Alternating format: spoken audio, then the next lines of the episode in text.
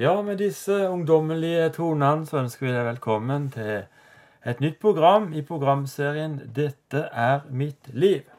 Hver uke så kommer det en, ny, en eller to nye gjester inn i studio til her, til Jørgen Reinersen, for å fortelle om livets realiteter. Og denne ukens gjest er Hilde Pen. Velkommen til oss, Hilde. Jo, tusen takk. Du skulle vært med deg Banja også, men han kunne jo dessverre ikke komme i dag. Men det er veldig flott at du kunne komme her. Og du må bare begynne å fortelle helt ifra starten. Hvor ble du født, hvor vokste du opp, osv. Ja, eh, det kan jeg jo Ja, jeg heter jo eh, Hilde Pen. Jeg har ikke alltid hett det. Eh, jeg er født Hilde Tåkheim. Og mine foreldre, de var, de var norske misjonærer for Det Norske Misjonsselskap ute i Japan. Så jeg vokste opp på en eh, kristen internatskole, eh, Den norske skolen i Japan, i Kobe. eh, der hvor mine foreldre da var lærere. Min far var rektor i en lengre periode. Og jeg har jo hørt at det har blitt fortalt mye forferdelig som har skjedd på disse internatskolene rundt omkring, og, og spesielt en periode i Japan og sånt også. Men det hører ikke med til min historie, da. For jeg har opplevd det som en fantastisk barndom, rett og slett. Eh, mine foreldre, de var jo eh, De fikk jo sine to første eh, oppe i, Finnmark. Og som de oppdro da når de flytta til Vinstra i Gudbrandsdalen. Og da lova de seg vel at de aldri skulle ha flere. Men så når de da dro ut som misjonærer og kom til denne her lille norske bobla i, i Japan, og så opplevde det miljøet som var der, så var det vel heller sånn at de, de sa til hverandre at nei, dette er for godt til ikke gi et barn. Eh, så da, da fikk de meg. Eh, helt planlagt. og mamma sa, har sagt at hun har vel aldri vært så glad noensinne som det hun var under min graviditet. Eh, og det er egentlig sånn jeg, jeg har opplevd det å vokse opp der. Alle, alle de ansatte ved skolen de ble kalt for tanter og onkler. Og jeg følte jo egentlig jeg var omgitt av verdens største familie. Og eh, det var helt fantastisk. Eh, jeg gikk i Japans barnehage, så jeg fikk jo full pakke som det, det å være misjonærbarn og være den eneste hvite og, og sånne ting. Men så kom jeg jo hjem og hadde både mamma og pappa der, og alt det tøyset som de fant på, på internatet. Og ja. Det, det var kjempegøy. Du vokste opp i Japan. Da kan du vel japansk også, da? Ah, chottades. Bitte litt. Men uh, ikke mye. Uh, jeg kan uttale ord riktig, men ellers har jeg, jeg har glemt mye. vet du. Det, jeg snakka flytende da eh, når jeg gikk i, i barnehagen. Da var det jo sånn at hvis noen ringte, og jeg tok telefonen, så trodde jo at det var et japansk barn som snakka, hvis de snakka japansk med meg. Men uh, det, det er rart med det. Hvis man ikke har noen japanere å snakke med til vanlig, så, så forsvinner det fort. Eh, Det hvert så kom du tilbake til Norge, Langesund. Ja, eh, de bosatte seg der. Eh, det var mest i nærheten av, eh, deres gamle foreldre og sånne ting. Så det var jo litt rart, da. Å komme til, til en liten by på Sør-Østlandet. Jeg hadde jo hørt at i I Norge så var det mange som ikke var kristne, hadde jeg hørt. Eh, og det var jo en helt fjern tanke for meg. Fordi at eh, der hvor jeg bodde, på den norske skolen, så var jo alle lærerne kristne. Med andre ord, alle de voksne var jo kristne. Så jeg regna jo med at det var på en måte en naturlig del av livet. Og så hadde jeg hørt at ingen Eller det var veldig få som var kristne i, i Norge, da. Så da reiste jeg til Norge og tenkte at nå skal jeg fortelle Norge om Jesus. Og, så, og så hadde jo alle hørt om Jesus. Jeg blei ganske skuffa. og, og enda mer forundra ble jeg når jeg fant ut at eh, det var, de hadde hørt om Jesus. Og de gikk i kirka i hvert fall én gang i året. Men det var veldig mange som ikke hadde han som noe del i sitt liv likevel. Altså, de, de hadde ikke noe personlig tro på Jesus. De følte seg ikke som aktive kristne. Det var bare at de de aksepterte at kirka var en del av livet deres, og, og så på seg selv som kristne likevel, fordi at de var døpt og konfirmert eller sånne ting. Um, men, men banna så det gjorde meg etter, og det, var, det var liksom det var, det var vel egentlig en av de største kulturforskjellene, tror jeg, eh, ifra den, det norske miljøet jeg var vokst opp i, da. Eh, det var masse ord jeg aldri hadde hørt før. så det var, tok litt tid å lære seg hva de betydde. Og, ja. Du bestemte deg for å bli misjonær i Norge? ja. Det gikk ikke så bra, da. jeg hadde uh, Når jeg begynte i andre klasse, så, så, så inviterte jeg hele klassen hjem på uh, misjonsforening hjemme hos mine foreldre. Og delte ut sangark til alle sammen og var liksom sånn Dette her skal gå bra. Nå skal alle få forstå hvem Jesus er, tenkte jeg. Og så de døpte eh, klubben til eh, Xing Chang kakeklubb, fordi her eh, fortalte vi om Japan og spiste kake. og det var veldig populært i en uke. Og så skjønte de at dette hadde mest med Jesus å gjøre, og da var det ikke så kult lenger. Og så slutta det å være kult å være kristen. det, ja. Det døde vel omtrent der, det misjonsforsøket mitt. ja, for det var litt tøft for deg når du kom tilbake med å være i de trygge omgivelsene i Japan tilbake til Norge og Ja, altså Det opplevdes vel først og fremst ensomt, vil jeg tro. For vi var jo de eneste som hadde opplevd det vi hadde opplevd. Eh, og barna i Norge hadde jo aldri vært borti noen i nærheten, så de, de forsto jo ikke. Eh, og på den ene siden så utfører de 'Å, kan du ikke si noe på japansk, da?' Si noe på japansk. Men på den andre sida så hadde de ikke lyst til å høre noe om hvordan livet i Japan var, for det vil jeg jo helst prate om hele tida. Eh, og samtidig så ble min bror alvorlig syk. Han fikk eh, Crohns syndrom eh, og sleit mye med magen og sånt. Og det tok veldig lang tid før de fant ut hva det var, så han var jo Jeg har blitt fortalt i ettertid at han var på døden her. Eh, så, så det var veldig mye fokus på han og på min lillesøster, som syntes det var veldig vanskelig å komme. Og, og, alle trodde på en måte at det gikk veldig greit med meg fordi at jeg var en veldig glad sjel. Uh, men jeg, jeg, opplevde det veldig vanskelig, jeg ja. òg. Um, ja. Bare det å være en usynlig innvandrer, på en måte. For jeg, jeg, følte meg ikke norsk. Jeg var så vant med å tenke at jeg var norsk, og det var ingen andre. Og så kom jeg plutselig til Norge, hvor alle var norske, og da skjønte jeg hvor ikke norsk jeg var, på en måte. Uh, vi hadde, hadde helt forskjellig måte å tenke på. Jeg husker første dagen på skolen, så var det, så var det noen unger som ropte 'pakkis' til en elev. Og det var jo et av disse ordene jeg aldri hadde hørt før. Så snudde jeg meg til noen av de andre og spurte hva, hva betyr pakkis? Og så sa han ja, det betyr pakistaner. Og jeg sa å ja, eh, men er han fra Pakistan, da? Og så sa han, nei, men eh, se da, han er jo helt brun i huden, så han ser jo ut som en pakkis. Jeg bare, ja, men det er jo ikke, det er jo ikke noe dumt, det, da, å være, være utlending. Hva bryr du da? sa de. Er ikke du norsk, da? Og da ble jeg så sint at jeg tok tak i skjortekraven på han igjen og så sa jeg 'Kalte du meg norsk?' så ja. Det var en helt annen måte å tenke på. du var 15 år. Da var du på en konferanse som skulle bety mye for deg. Ja, altså for jeg, eh, Hvis vi spoler litt framover, da. Så jeg skjønte jo at det ikke var kult å være kristen. Eh, så jeg prøvde jo veldig mange ganger å, å, si fra meg troa. Og på en måte ta avstand fra det så, mye som jeg kunne. Eh, for å prøve å passe inn litt mer, da. Så jeg, jeg banna på at jeg ikke var kristen, og, og, at jeg ikke kjente Jesus, og alt mulig. Og at jeg ikke brydde meg om kristne og sånne ting. Um, og så fikk jeg et veldig møte med alt det jeg hadde gjort for å ta avstand da når jeg var 15. Jeg reiste på en sånn konferanse, impulskonferanse. Og så så jeg bare at alle de kristne Det virka som de hadde noe jeg ikke hadde. Altså, de, de, var, de var så tilfreds, og de var så glad i denne Jesusen.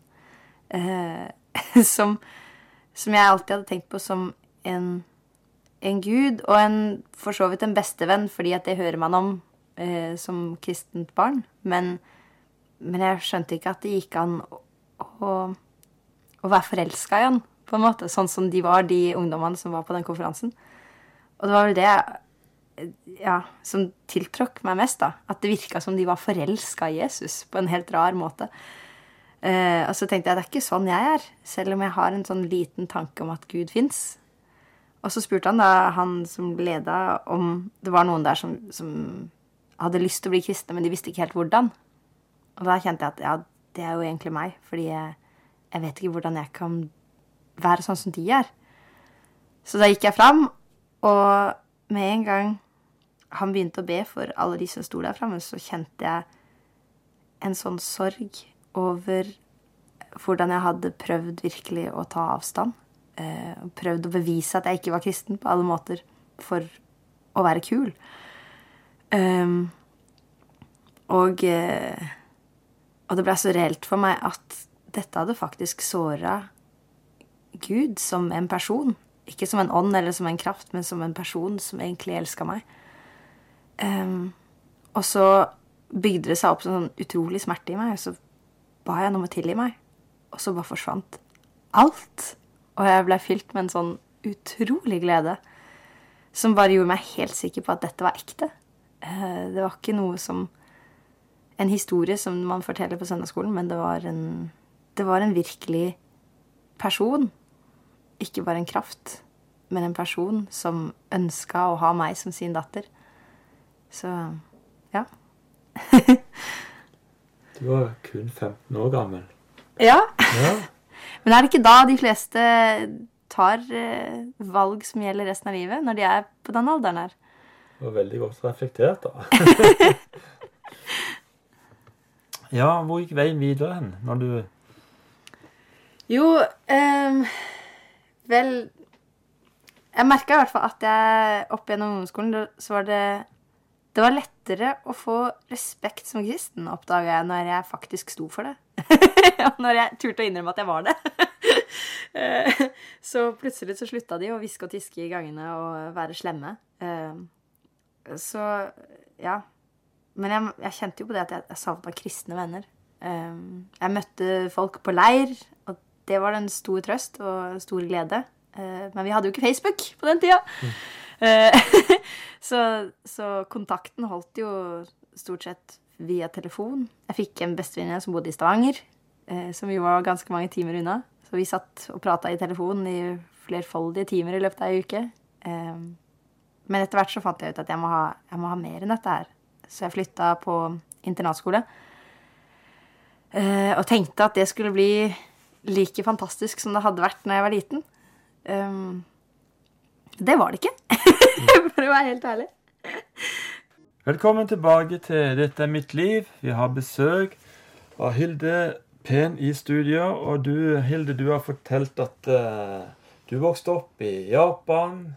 Og så, etter litt sånn tøffe ting, så havna du inn på noen møter. Du fikk et kraftig møte med Jesus og reiste på internatskole.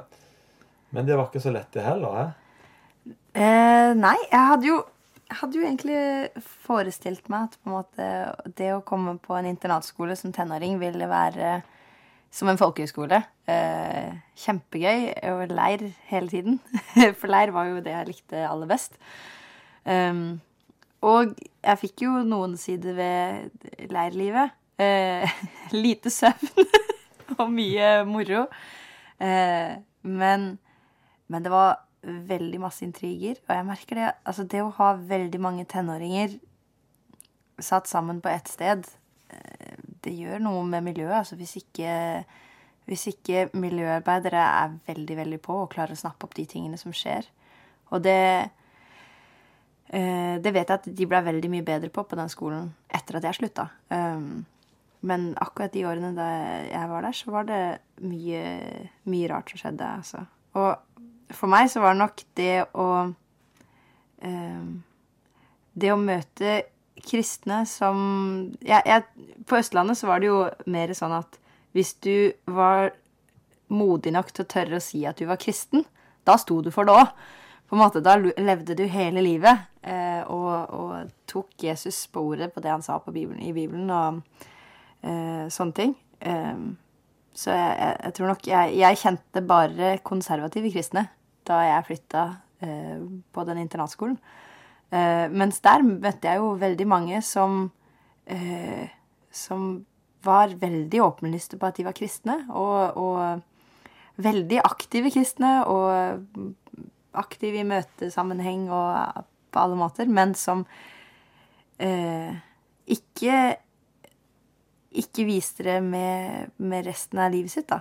Um, og da tenkte jeg at oi, ja, er det greit å, å leve som, som, om man ikke er kristen, selv om man er kristen. Det er jo helt topp. Da får man jo pose og sekk, tenkte jeg.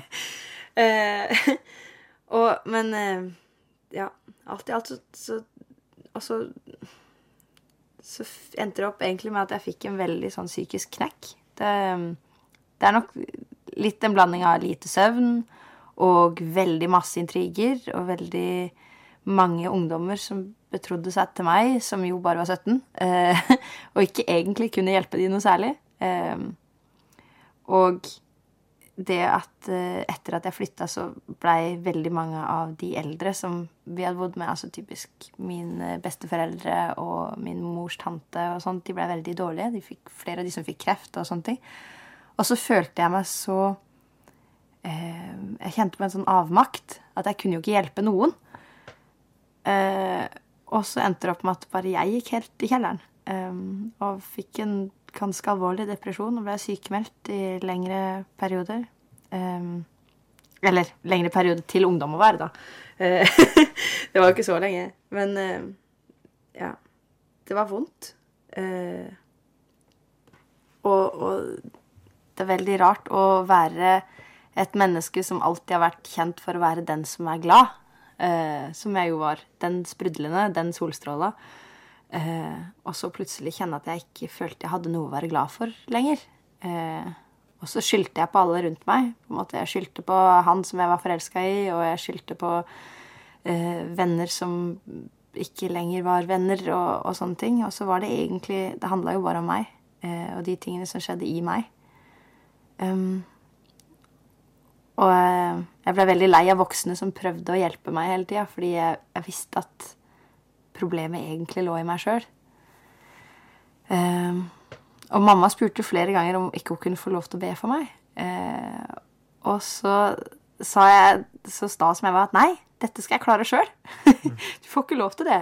Dette er ikke noe som er verdig at Jesus skal drive og ordne opp i, på en måte. For han er jo han er jo den store. Han har ikke noe med mine problemer å gjøre. Og dette har jeg på en måte havna oppi sjøl. Um, og det blei Ja, jeg fikk en del angstanfall og hallusinasjoner og sånne ting. Um, men til slutt, da, så, så, så, sa jeg til mamma OK, vet du hva, du skal få lov til å be for meg. Um, jeg husker veldig godt når hun gjorde det. Uh, så var det akkurat som jeg fikk et bilde inn i hodet av at jeg hadde sunket ned i et dypt, dypt vann, og at det var noen som dro meg nedover hele tida. Tok tak i beina mine dro meg nedover. Og så var det som Jesus hadde stått der hele tida på overflaten og rakt hendene sine ned til meg. Um, og jeg trengte bare å ta tak, men jeg var så redd for at hvis jeg tok tak, så ville han bli dratt under, han også. Uh, og det falt meg bare ikke inn å tenke at Jesus var sterkere enn det som dro meg ned. Um, men da, i det øyeblikket hun begynte å be for meg, så så jeg bare hvordan hånda mi traff hånda til Jesus, og hvordan han bare dro meg opp av vannet som om jeg skulle ha veid ingenting. Um, og eh, samme uka da, så sa, spurte mamma om ikke hun kunne få lov til å, å ringe fastlegen sin, eh, som var utdanna eh, psykiater. Eh, og hun kom hjem til oss på en lørdag, helt utfor arbeidstid, og satte seg ned inne på mitt soverom og begynte å stille meg spørsmål som ingen andre hadde spurt meg. Eh, som jeg ikke skjønte at dette hadde noen ting med å gjøre i det hele tatt. Eh, men alt ifra helt tilbake igjen i barndommen eh, og på en måte ensomheten og, og, avmakten jeg hadde kjent på når vi flytta fra Japan og fikk møte dette kalde, kjente, men likevel ukjente Norge. Og hvordan jeg forsvant i mengden når egentlig Når plutselig det var søsknene mine som var viktige, og ikke jeg. Um, og derifra så gikk det egentlig, gikk det egentlig oppover. og så ja. Så slutta jo Jeg blei jo eldre. og etter en eh, Etter å ha blitt ferdig på, på, videregående, så var jeg veldig usikker på hva jeg, hva jeg skulle videre. Jeg har kjent at det, det ambisiøse i meg var jo veldig lei av folkehøyskolelivet. Eh, som det føltes som jeg hadde hatt. Jeg hadde gått, jeg hadde gått barne- og ungdomsarbeiderlinja, ikke sant? og der var det Vi lærte å tegne, og vi lærte å spille gitar, og vi lærte å leke, ikke sant. Og i tillegg så bodde jeg på internatskole og sov og lekte hele døgnet, følte jeg. Så jeg var veldig klar for bøker. så jeg tenkte først at jeg ville ta et sånt avansert eh, masterløp opp i, i Tromsø. Eh, og var egentlig veldig klar for det. Eh, men så var det noe i meg som bare kjente at nei, det er feil. Jeg skal ikke dit. Eh, eh og så endte det opp med at jeg heller søkte i, i Kristiansand. Eh, på en bachelorlinje der. I religion, etikk og kultur. Eh, på Høgskolen i Agder. Og så eh, husker jeg jeg Før jeg flytta dit, da, så ba jeg til Gud OK, Gud, jeg, nå er jeg så lei av drama og intriger. Eh, etter, etter, et par år på internatskole, hvor alle var typisk forelska i den som ikke var forelska i seg, osv. Mm. Eh, jeg, jeg var så lei av det der. Så sa jeg OK, Gud, når jeg flytter til Kristiansand nå, så ikke la meg treffe noen andre gutter enn han som jeg skal gifte meg med. Og la meg bli bestevenn med han. Vær så snill. Og la meg, la meg bare vite hvem det er med en gang, sånn at ikke jeg ender opp i tre dårlige forhold istedenfor ett godt et. Amen. Mm. og så glemte jeg helt at jeg hadde bedt om det uh, før jeg flytta. um, så flytta jeg til Kristiansand, da. Og begynte på det høyskoleløpet. Og jeg syntes det var veldig spennende studie og, studie og alt mulig. Um, og så Det var så rart, fordi uansett hvor jeg gikk for å prøve å få meg venner, så var det et eller annet som, som skurra. Det var et eller annet i magefølelsen som bare sa at dette er feil. Dette er ikke min gjeng. Dette er ikke mine folk. Og spesielt de kristne syns jeg var utrolig kjedelig. Eh, så ja. Så jeg var litt i tvil om hva jeg skulle gjøre for noe. Uh, og så plutselig så, så, var det en fyr i klassen min som spurte om ikke jeg ville bli med han til Vennesla på, på et møte på Philadelphia. Og så tenkte jeg oi, pinsevenner. Å nei. uh, uh, men ja, så ringte jeg min mor da og spurte hun ja, pinsevenner er det egentlig noe å være redd for. så sa hun at ja, de kan være litt radikale, men de er ikke så farlige, egentlig. Eh, så blei jeg nå med, da. Eh, eh, og så, på det møtet, så var det Det var veldig rart. Fordi han som tok meg med på møtet, han, han het Banya. Og han var fra Kambodsja. Og um, han hadde bare spurt meg fordi han så at jeg var kristen. For jeg gikk med sånn armbånd som sa at jeg var kristen. Uh, og han satt, introduserte meg til 18 stykker av sine venner, som jeg glemte navnet på med en gang. Uh, og så satte jeg meg da ned i den salen, og så hadde de en, en uh, brite som, som, fortalte da om sitt liv, og det var veldig spennende. Win Louis het han. Og da han var ferdig, så, fortal, så sa han hvis du vil vite noe om Guds plan for ditt liv, så skal du bare be han om å vise deg det og så skal han vise deg det. Og jeg var 19 år og tenkte ja, dette kan jo bli spennende. Ok, Gud. Så lukka jeg øynene og sa vis meg din plan for mitt liv. Og så lo jeg litt for meg selv og tenkte at dette kommer ikke til å funke. Og så funka det. jeg fikk to veldig konkrete bilder inni hodet. Eh, den første var bildet av min hånd, altså hånda til han som satt til høyre for meg, som vikla seg sammen, og så ble det til én hånd. Eller de folda seg, så det blei til ett, på en måte. Og så skifta det, og så var det eh, jeg som holdt på med å jobbe med et eller annet ut forbi ei hytte eh, ute i skogen, og det var masse barn som løp rundt og sånt. Og så, og så kom det noen ut av den hytta, og så så jeg det bare i sidesynet. Og så retta jeg meg opp og tenkte Hæ, der er mannen min. Og så snudde jeg meg rundt, og da så jeg jo ansiktet på han. Og da så jeg at det var Banja, han som hadde invitert meg på møte. Wow. Og da innså jeg at det var jo han som satt til høyre for meg òg. Og at nyansen, altså brunfargen på hans sin hånd, var akkurat den samme som den som hadde vikla seg sammen med min. Mm. Uh, og alt dette så jeg jo mens inni hodet mitt, akkurat som en drøm. Uh, og da, da, jeg hadde, da, jeg innså hva jeg hadde sett, så kom på en måte hele salen tilbake igjen. Og jeg satt der og var rimelig sjokkert. Uh, og jeg forsto med en gang at dette kan bare bety at det er meningen at han og jeg skal gifte oss og dele livet sammen. Og ja Jeg ble ganske sjokkert og veldig redd. Velkommen tilbake til programserien 'Dette er mitt liv'. Vi har besøk av Hilde, Hilde Penn i eh, studio. Og vi er litt sånn ungdommelige med musikken i dag, for at eh, hun er jo barne- og ungdomsleder i Philadelphia i Vennesla, så, så, da har vi litt ungdommelig musikk i dag. Hilde, du delte veldig spennende hvordan du traff eh, din kjære mann. Du må fortelle videre. Ja. Eh, så eh, Ja, jeg sitter der da eh, i stolrekkene i Philadelphia Vennesla og har uh, akkurat opplevd at Gud har sagt at jeg skal gifte meg. Og jeg er 19 år og tenker at dette var mer informasjon enn jeg takler. Så jeg satt nå der og pusta og eh, tenkte hvordan i all verden går jeg frem herifra? Jeg vet jo ikke engang hvordan navnet hans staves. Jeg vet ikke om han har kjæreste. Jeg vet ikke øh, hva foreldrene hans heter. Jeg vet bare at han sitter til høyre for meg, og at han har sagt han heter Banja.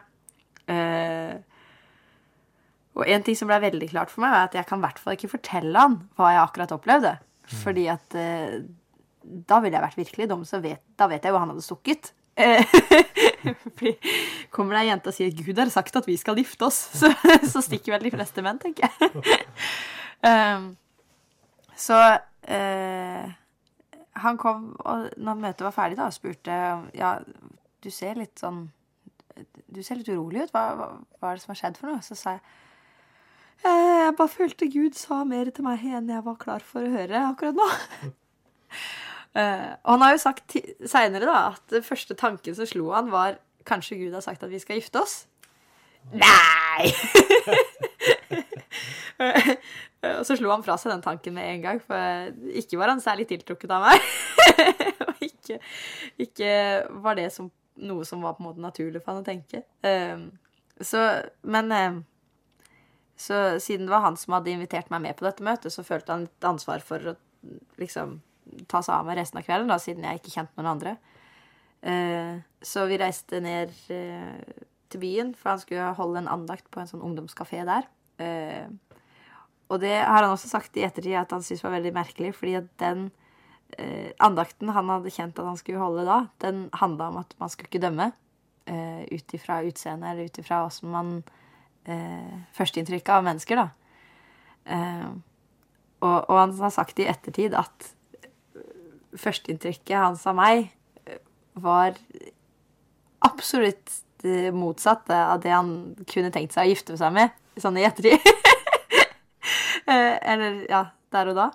Eh, og sånn ville nok jeg ha tenkt om han også, for han var ekstremt annerledes enn meg.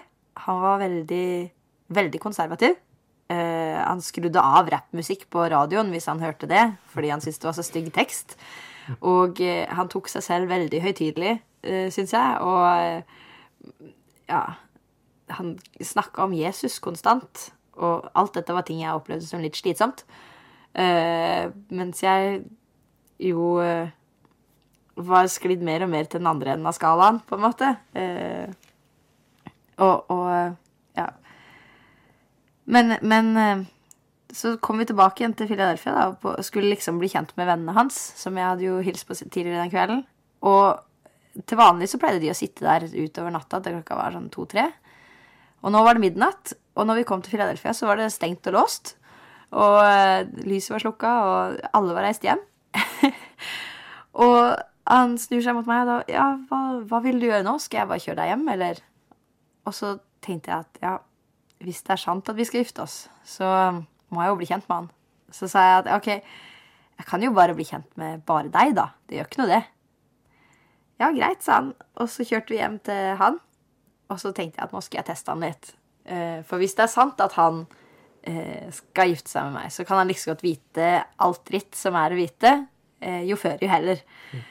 Så jeg bretta ut om livet mitt. og Fortalte alt, alt jeg kunne komme på at jeg hadde gjort galt, fra russetida og fra alt mulig annet, og tenkte at det er bedre å få det ut av verden nå enn at han skal oppdage ting etter hvert.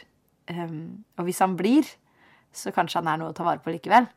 Fordi jeg hadde oppfatta han som en sånn selvhøytidelig, superkristen, fordømmende person. Um, og han tror jeg bare tenkte at wow, så åpen hun er. Så ærlig. uh, så satt vi egentlig og prata til det ble lyst. Um, og fra den dagen av så blei vi på en måte bare bestevenner med en gang. Eh, og og verken han eller jeg kjente på noen sånn romantiske følelser for hverandre, men vi bare Vi blei så inderlig glad i hverandre. Eh, og så glad i å være sammen. Eh, og han er nok blitt mindre rigid og selvhøytidelig av å være sammen med meg. Mens jeg har på en måte blitt mer bevisst på hvem jeg sjøl er, da. Og hvem Jesus er. Og eh, hva jeg ønsker at livet mitt skal være eh, av å være sammen med han. Så eh, Men jeg kjente jo hele tida, etter hvert som tida gikk, at, eh, at jeg, jeg, turte jo fortsatt ikke å fortelle han noen ting. Og han spurte meg jo flere ganger Jeg syns det er så rart, Hilde, for det, vanligvis så er det jo Altså Med deg, så, så hver gang Jeg savner deg hele tida. Hver gang jeg ikke er med deg. Jeg er ikke forelska i deg. Men med en gang jeg går ifra deg, så savner jeg deg. Og jeg har lyst til å bare være mer og mer og mer med deg. Uh, og, og, han beviste at han mente det òg, fordi at uh, fem minutter etter at han hadde gått ut døra mi om kvelden, så spurte han om ikke han kunne spise frokost med meg dagen etterpå. og uh, så var han med meg fra frokost til midnatt omtrent. Vi gikk jo i klasse sammen, så, det, så, han kjørte meg til skolen og kjørte meg hjem igjen. Og, ja. Men begge to visste jo at vi ikke hadde følelser for hverandre. Og så Han kjente jo på det at dette var rart. At han hele tida syntes han hadde så lyst til å være med meg, men uten at han kjente på noen romantiske følelser i det hele tatt. Og så kom han plutselig på noe han hadde bedt om mange år tidligere. At Gud, når jeg møter hun jeg skal gifte meg med, så vær så snill, ikke la meg bli forelska jo. For jeg har lyst til at det skal være et valg jeg tar sjøl, uh, eh, uten å være blinde av følelser. Og når han kom på det, så, så ba han uh, til Gud OK, Gud, hvis det er sånn at du vil at jeg skal gifte meg med denne jenta, så gjør meg forelska i henne. Og dagen etter så, så blei han det. altså, han, han, Plutselig så ble han bevisst på hva han hadde på seg, og han ble helt svett på hendene, han kjente det dunka i brystet, og han kunne sitte og kikke og stirre på meg i timen. Og jeg merka jo dette her. så jeg fikk jo eh, litt panikk, for jeg tenkte å nei, nå blir han forelska i meg uten at jeg er forelska i han. Uh, dette blir drama. jeg orker ikke dette her. Uh, så jeg satte meg ved sengekanten etter å ha sagt ha det til henne den kvelden, og så sa jeg Gud, jeg kan ikke ha det sånn at jeg skal gifte meg med en som er forelska i meg, men jeg ikke har følelser for han. Bare, hvis du faktisk vil at jeg skal gifte meg med han her, så må du gjøre så jeg blir forelska igjen. Og så tror du ikke det samme skjedde med meg? Dagen etterpå vet du, så sendte han vanlig melding sånn som han gjorde hver dag, om at 'Hei, du, jeg kommer og henter deg til frokost'. Og plutselig tenkte jeg 'Å nei! Han kom, da er han her om 15 minutter!' Og jeg har ikke dusja! Og hva skal jeg ha på meg?' Og jeg kjente bare det dunka i hele brystet, og jeg blei så nervøs. Og så kjente jeg at wow, det er faktisk meninga at vi to skal være sammen resten av livet. Eh, For en vidunderlig historie. Ja. så det var jo veldig rart, da. Eh, to dager etterpå så kjente jeg at den klumpen som hadde vært i brystet mitt, som hadde sagt liksom, du kan ikke si noe, du må ikke si noe, den bare helt plutselig forsvant han. Og så kjente nå er det meningen jeg skal fortelle han det. Men da var jeg jo kjemperedd. Jeg bare Nei, nei, nei. Jeg kan ikke si noe nå. Så sa jeg OK, Banja. Eh, vær så snill og ikke avbryt meg nå. For nå skal jeg fortelle deg noe som høres helt sprøtt ut. Um, men det, Og det kommer ikke til å gi mening i det hele tatt, men jeg er nødt til å fortelle deg det. Og så fortalte jeg den hele historien om hvordan jeg opplevde at Gud hadde sagt at vi skulle gifte oss, og hvordan jeg hadde opplevd at han hadde bekrefta det ikke én gang, men med flere forskjellige ting som hadde skjedd opp igjennom. Og når jeg var ferdig, så sa han å, men det gir jo fullstendig mening. og så fortalte han hva som hadde skjedd med han, da. Uh, og så Det var veldig rart, for når vi gikk hjem den kvelden, så var jo på en måte begge to veldig innstilt på at vi skulle gifte oss. Men eh, Vi var jo ikke kjærester. så ja. Og så gifta vi oss da. Eh, etter et år omtrent. Det var da 2021, eller? Da jeg var 20, han var 23, nei 24. Og etterpå det så hadde jeg fått noen barn også? Ikke bare ett. Eh, ja. Du, det har vært helt fantastisk. Altså, jeg ler jo litt av det og kaller det på en måte arrangert ekteskap. Men eh, eh, det, det er rart, det der med at han og jeg vi ville aldri ha funnet hverandre hvis ikke. Eh, men fordi at vi begge to valgte å stole på Gud da, og si at Gud, jeg vil at du skal være sjefen i livet mitt. Jeg vil at du skal styre hvilken vei dette her skal gå. Um, så så har vi endt opp med hverandre, og vi har en sånn fantastisk synergieffekt på hverandre. Um, og det merker jeg som foreldre òg. Um, vi hadde jo egentlig Vi vurderte jo egentlig å ikke ha barn i det hele tatt.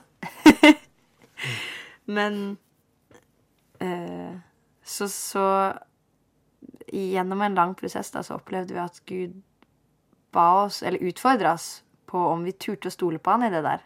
Uh, om vi turte å stole på han på alle områder, uansett hva slags konsekvenser det ville få.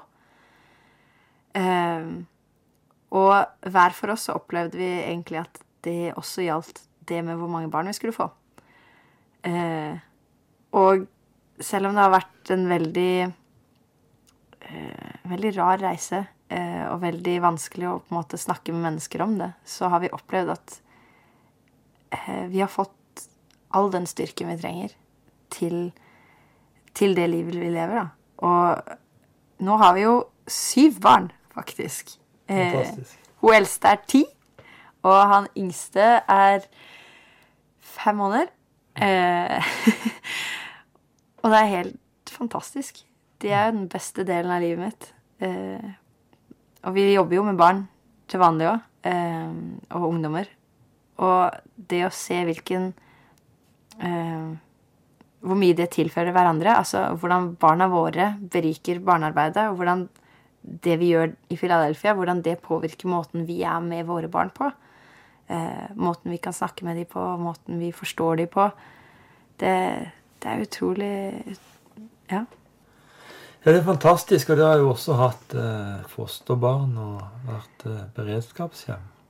Det har vi også. Um, det har jo også vært spesielle perioder jeg opplever Det å være fosterforeldre er, er, nok enda mer krevende enn å ha sine egne barn. Uh, for du må kunne sette deg inn i en virkelighet som er så fjernt ifra din egen. Og, um, og gi enda mer enn det som kreves av, i forhold til dine egne barn. For du, du kan ikke regne med at de forstår automatisk at de er elska, f.eks. Um, det er noe du hele tida må fortelle på alle de måtene du kan. Um, mens dine egne barn, der, der sklir det automatisk på en måte at du viser kjærlighet, og så aksepterer de den kjærligheten. Mens med både foster, fosterbarn og, og eh, barn som har hatt en vanskelig oppvekst, så er det jo De forstår ikke nødvendigvis når du prøver å, å vise dem kjærlighet. Så, så du må bare være kreativ i måten du kan formidle det på. At du trenger ikke å fortjene å bli elska. Jeg, jeg, er glad i deg likevel. Um, og det er ingenting du kan gjøre for å fortjene kjærlighet. For du er elska akkurat sånn som du er. Og det er ganske likt det Gud tenker om oss. Ja, det tror jeg. Det, jeg opplever i hvert fall at jeg har fått lov å få en kjærlighet som jeg overhodet ikke har fortjent. Og at han har tatt så utrolig godt vare på meg. Det var, det var verdt det, alle de øyeblikkene når jeg valgte å legge mitt liv i hans sine hender. Så, så var han den tilliten verdig, på en måte. Fantastisk. Hilde, tida har gått ifra oss. Det har vært en fornøyelse å ha det her i studio. Eh, nå er jo du eh, ungdomsleder og barneleder nede på Philadelphia sammen med din mann, og dere har et rikt virke der nede. Må Herren velsigne dere i den tjenesten dere står i, og mm. deres familie og alt, alle arbeidsoppgavene dere har framover. Ja, tusen, tusen takk for at du kom i den travle hverdagen som du har. Det er jo helt fantastisk. Ja, tusen takk. Ruben Høynes har vært tekniker også i dag. Mitt navn er Jørgen Reinersen. Neste uke så er vi tilbake på samme tid og på samme kanal med en ny spennende gjest i studio. Denne programserien heter 'Dette er mitt liv', og vi håper du er med oss også som lytter da. Må Gud velsigne deg og bevare deg, du som lytter på dette programmet. Vi takker for i dag.